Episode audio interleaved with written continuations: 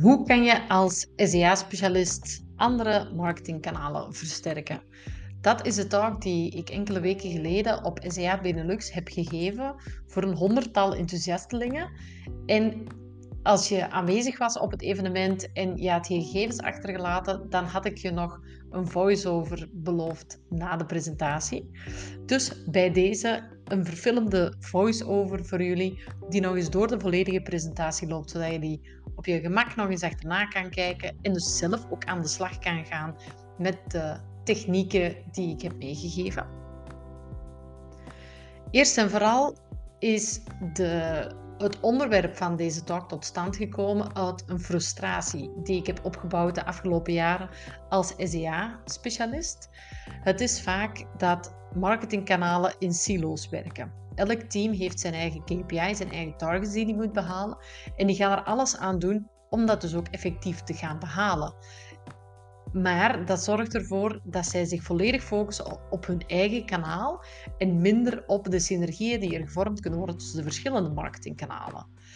En op het einde van de rit, als op het einde van de maand alle kanalen hun targets hebben behaald en op het einde van de maand onder de streep zie je, ziet het management ook dat de targets behaald zijn, is dat op zich voldoende voor heel veel bedrijven. En daar is niks mis mee, maar het kan beter. Want veel marketingkanalen werken vervolgens in silo's zonder de synergieën te gaan opzoeken. En daarnaast heb je ook nog een tunnelvisie vanuit het management, die geen overkoepelende marketingvisie hebben. En vaak enkel kijken naar de bottomline. Oké, hebben we de KPI's behaald van marketing voor deze maand en dan gaan we verder. Zonder op zoek te gaan naar synergieën. En ik ben er persoonlijk van overtuigd als SEA-specialist die in de operatie heeft gezeten, dat je als SEA-specialist een soort katalysator kan zijn voor het versterken van andere marketingkanalen, omdat je op zoveel nuttige, bruikbare en relevante informatie zit. Om zo dus te komen tot het feit dat de overall performance van je merk of je klant kan verbeterd worden door jezelf of je collega als SEA-specialist in te zetten in het versterken van marketingactiviteiten. En om dat te doen heb ik dus drie matches gemaakt om ermee aan de slag te gaan. Mijn eerste match, SEA en SEO. SEA staat voor Search Engine Advertising, dus betaalde resultaten in Google. En SEO staat voor Search Engine Optimization, niet betalende resultaten in Google. Welke twee technieken ga ik hier toelichten? De eerste techniek is SERP Domination en de tweede techniek is het testen van adcopy versus meta tags. De eerste techniek, SERP Domination. SERP staat voor Search Engine Result Page. Domination staat voor ta -ta -ta, dominatie. Hetgeen dat we uiteindelijk als marketeers allemaal willen. Het echt compleet domineren van die zoekresultatenpagina. Nu, ik heb hier op de slide een voorbeeldje staan van een betalend resultaat in Google uh, voor de zoekterm vaatwasser kopen. De, het resultaat dat ik terugkreeg was van Coolblue. En daaronder kan je dus ook zien dat er een niet betalend resultaat, een organisch resultaat staat van Coolblue voor ook een vaatwasser of een afwasmachine te kopen. Je kan hier heel duidelijk zien dat Coolblue het grootste deel, geen sluikreclame, niet gesponsord, dat Coolblue het grootste deel van de zoekresultatenpagina bovenaan inpalmt. En dat gaat dus ook effect hebben op hun doorklikratio's en logischerwijze, niet altijd, maar logischerwijze ook op de conversies die eruit gaan komen. Ik ga even terug. Hoe kan je nu SERP Domination toepassen? Ik zelf ben actief als e-commerce consultant. Dus binnen de e-commerce kan je dit bijvoorbeeld toepassen door te gaan kijken welke producten het beste verkopen via SEA. Meestal is dat via PMax of via shopping. Dat je dan uh, een lijst trekt van oké, dit zijn mijn best presterende of best verkopende producten via SEA. Top 10 of top 20 of top 50. En ga dan inventariseren of je met de organische resultaten voor die producten ook toekoer scoort. Ben je daar in die top 10? En ga dan samen aan de slag als SEO en SEA-specialist of als marketeer in het algemeen om bijvoorbeeld de rankings van je organische pagina's te verhogen en zo dus echt die dominatie te gaan creëren. Hetzelfde gaat normaal gezien ook wel voor uh, dienstenbedrijven, denk ik nu net aan. Dus stel nu dat je een advertentie hebt lopen voor een verzekeraar of een bank of een ander type niet e-commerce gerelateerd uh, merk. Ga dan ook hier weer kijken welke advertenties de meeste conversies of leads of offerte aanvragen triggeren. En ga dan kijken of dat die pagina's, de organische pagina's, ook scoren voor die zoekterm. En ga vandaar verder om dus tot de dominatie te komen. Een tweede techniek is advertentieteksten versus metatekst. In je advertenties heb je advertentieteksten met een titel en een omschrijving.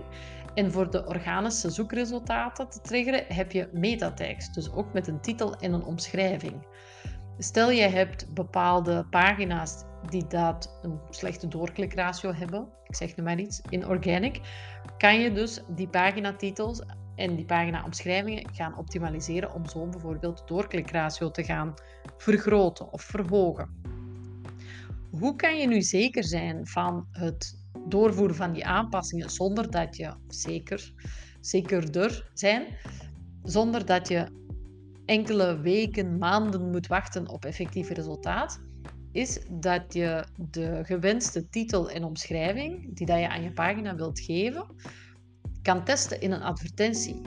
Dus daar kan je als SEO-specialist diep in de ogen kijken van je SEA-collega of freelancer of bureau om een bepaalde, in, in een specifieke campagne een bepaalde advertentie, tekst en uh, titel en omschrijving online te zetten en te testen voor een bepaalde tijd, want daar is vaak de uh, return of de data die dat je terugkrijgt veel sneller dan dat je op SEO moet wachten en op Google moet wachten.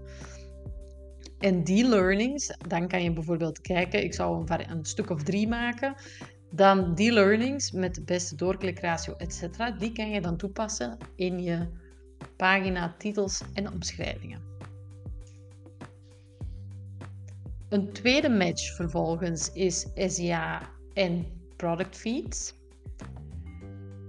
De technieken die ik hier ga aanhalen is search terms versus producttitels en dan ook nog image testing. Nu voor degenen die niet 100% zeker zijn wat een product feed is, een product feed is een grote XML database of groot XML bestand, beter, die dat gekoppeld wordt aan Google Merchant Center en Google Merchant Center wordt dan weer gekoppeld aan Google Ads. En zo kan je binnen Google Ads shoppingcampagnes opzetten. Die feed wordt elke nacht vernieuwd en daar zitten afbeeldingen in, producttitels, prijzen, promoties, hoeveelheden, variantdata zoals schoenmaten, kleuren, kledingmaten enzovoort. En die data wordt vervolgens gebruikt om advertenties, ja, om advertenties te gaan vullen. Dus de eerste techniek, zoektermen versus producttitels. Een zoekterm is effectief de exacte zoekopdracht die iemand in Google ingeeft. En onderzoek heeft uitgewezen dat hoe langer de zoekterm is en hoe meer die resoneert met je producttitels, hoe hoger de conversie uiteindelijk gaat zijn op je webshop of je website. Nu, wat ik heel vaak tegenkom, is dat die zoektermen en die producttitels vaak niet helemaal overeenkomen. En dat er bijvoorbeeld ook niet gekeken wordt naar lokale verschillen. Ik geef hier nu het voorbeeldje van een salopet. Ik was voor mijn dochter op zoek naar een salopet en ik typ in Google in salopet. Maar ik krijg alleen maar resultaten met tuinbroeken. Dus ben ik gaan opzoeken, wat is een tuinbroek? Ik had er persoonlijk nog nooit van gehoord. En dan zag je dat het algemeen Nederlands voor een salopet een tuinbroek is. Wist ik veel als Belg zijnde. En ben ik eens gaan kijken, oké, wat is nu het zoekvolume op die zoektermen? Als je kijkt naar salopet en tuinbroek, in België zit het meeste zoekvolume op salopet, is verbasterd uit het Frans. taalnazi's, kom alsjeblieft niet achter mij. Ehm, maar dan zie je bij het zoekvolume dat van Tuinbroek en Salopet, het zoekvolume van Salopet, drie, drie keer, vier keer zo hoog ligt in België dan Tuinbroek. En het omgekeerde zien we in Nederland. Daar wordt Tuinbroek veel meer opgezocht dan Salopet. Dus om tot het punt te komen dat ik hier wil maken, als je merkt dat bepaalde producten slechte doorklikratio's hebben of slechte conversieratio's in je shopping ads, ga kijken naar waar de mensen effectief naar op zoek zijn en kijk of je producttitels daarmee overeenkomen, ja of nee. Want dit principe geldt niet alleen voor external search, dus via Google of Bing of andere zoekmachine, maar ook voor internal search. Je kan via Google Analytics zoektermen op je website gaan instellen.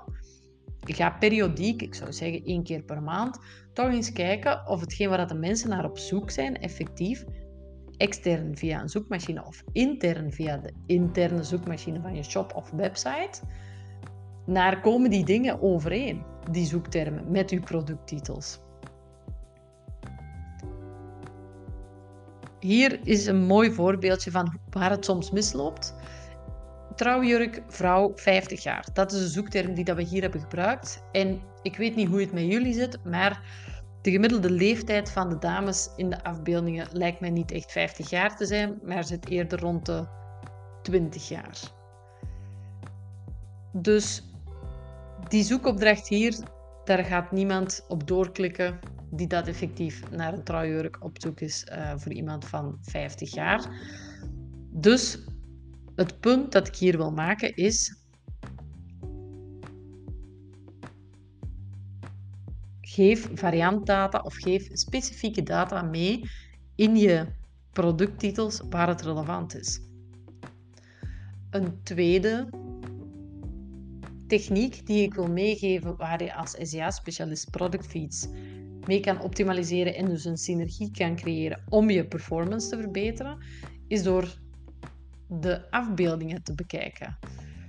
Voor de zoekopdracht witte t-shirt heren lijkt het mij nogal duidelijk welke t-shirt of welke t-shirt hier de beste doorklikratio gaat krijgen.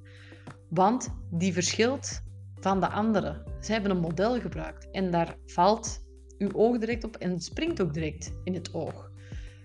Dus zeker in het geval van fashion en apparel en lifestyle, kijk eens of dat je, het nuttig is dat je gebruik kan maken van een bepaald model, maar blijf wel de, de Google-regels respecteren met betrekking tot de achtergrond en dergelijke. Maar probeer eens van de platte packshots af te gaan en begin met een subset van een aantal producten door die aan te passen in je product feed Um, je kan dat via bepaalde product feed management tooling doen, zoals een Channable of een Channel Engine. Ik weet dat je ook feeds kan AB testen via ProductSub bijvoorbeeld. Um, maar ga er heel klein mee aan de slag. Kijk of dat effectief de doorklikratio verbetert. En implementeer dan die learnings weer in een grotere set en zo verder. Wat ook nog een leuke kan zijn voor image testing, iets dat ik aan de zijlijn heb gevolgd, is dat je verschillende feeds gaat maken voor verschillende type campagnes. Zeker met betrekking tot social media.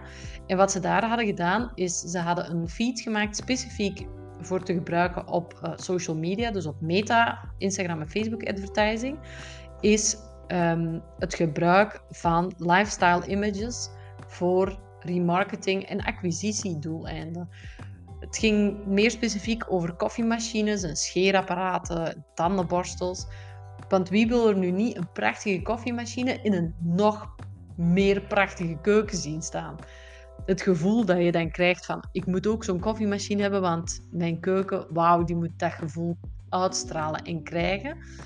En dat type content resoneert voor sommige type campagnes beter met mensen op sociale media dan puur super transactioneel op Google Shopping, Packshot, uh, witte achtergrond en koop maar. De laatste match die ik heb gemaakt is SEA en e-mail. En de technieken die ik daar ga bespreken qua synergieën zijn doelgroepdata en campaign management. Bij de doelgroepen, wat dat je hier kan doen als je aan e-mailmarketing doet en je hebt een database, kan je potentieel op een goudmijn zitten. Mensen hebben vaak moeite gedaan om een database te geraken via een aankoop of via een download of whitepaper of iets anders. En worden vaak dan een beetje aan hun lot overgelaten. Wat je nu kan doen binnen het SEA-vakgebied is uh, klantenlijsten gaan importeren. Dus je kan een klantenlijst of een bepaald segment uit je e-maildatabase maken en die importeren zowel in Meta via de customer list als via Google ook via de klantenlijst. En wat je dus kan doen is voor die segmenten dus heel specifieke en relevante advertenties maken die dat ook weer je performance gaan beïnvloeden. Het beste voorbeeldje dat ik hier kan geven is bijvoorbeeld bij elektronica. Dus stel nu, je hebt een laptop gekocht. Drie, vier jaar geleden. Van Dell. Ik zeg maar iets. Bij Coolblue.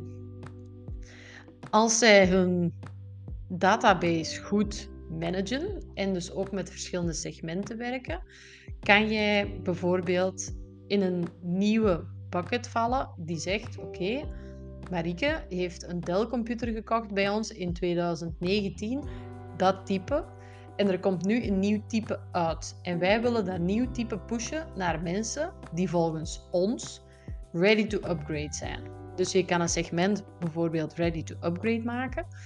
En als er dan een nieuw product uitkomt van een bepaalde productlijn, kan je dus die mensen heel relevante info gaan, gaan laten zien of gaan tonen over de lancering van een nieuw product.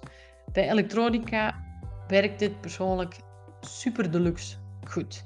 Dus een goede tip voor als je in de elektronica zou zitten. Het laatste waar ik graag even dieper op wil inzoomen is algemeen campagnemanagement. Ik was mijn e-mail inbox wat aan het doorspitten en ik zag bij JBC ah, bijna Pasen face outfits voor kids. Ik dacht, de max. Ik heb een kind, dus ze hebben een segmentatie juist gedaan. Ik ga inderdaad voor mijn peuter een paasoutfitje zoeken. Ik ga naar Google, want mails openen, doorklikken is, vind ik soms een beetje te veel werk, maar wat. En ik tik in JBC en ik krijg hun branded advertentie te zien. Mode voor het hele gezin, JBC, mee met elke familie. Ze nemen wel de stickeractie mee met de 40% korting, die dus ook wel in de e-mail getoond werd. Kan je het zien in de previewtekst, stickeractie tot 40%. Maar ik had toch nog graag iets gehad rond die paascampagne, want nu helemaal wordt me geen woord gerept over Pasen. En dat vind ik persoonlijk een gemiste kans. Dus mijn tip hier is als je breedte dragende campagnes hebt die dat wat langer duren en waar je veel tijd en moeite insteekt in het maken van die nieuwsbrief, doe dan ook de moeite om in een SEA-ad nieuwe advertentie bijvoorbeeld te maken in je branded campagne, waar dat dan ook de specifieke campagne in uitgelicht wordt. Zoals een moederdag, ehm, Black Friday, kerstcampagnes en zo verder. Dus de campagnes die we aan een aanloop nodig hebben, die dat wel langduriger zijn, voor één dag gaat dat niet uitmaken. Maar zorg voor een draagvlak voor je campagne. Dat niet de nieuwsbrief gewoon in een inbox ergens belandt, maar dat alle andere mensen die zelfs eventueel jouw merk nog niet kennen, ook op de hoogte zijn van die type acties. Zo, dat waren mijn drie beste matches. Mijn grote vraag tijdens de talk was: met wie ga jij matchen? Ik ga ze nog eens stellen. Denk eens na met wie, met wie jij als SEA-specialist of marketeer of SEO-specialist een connectie kan maken en eens gaan kijken welk type data jullie dagdagelijks gebruiken, die jullie dagdagelijks zien en hoe dat je dus samen een bepaalde synergie kan creëren op performance niveau. Deze QR-code die hadden jullie al gehad, dus daar rest er mij enkel nog het zeggen voor een bedank.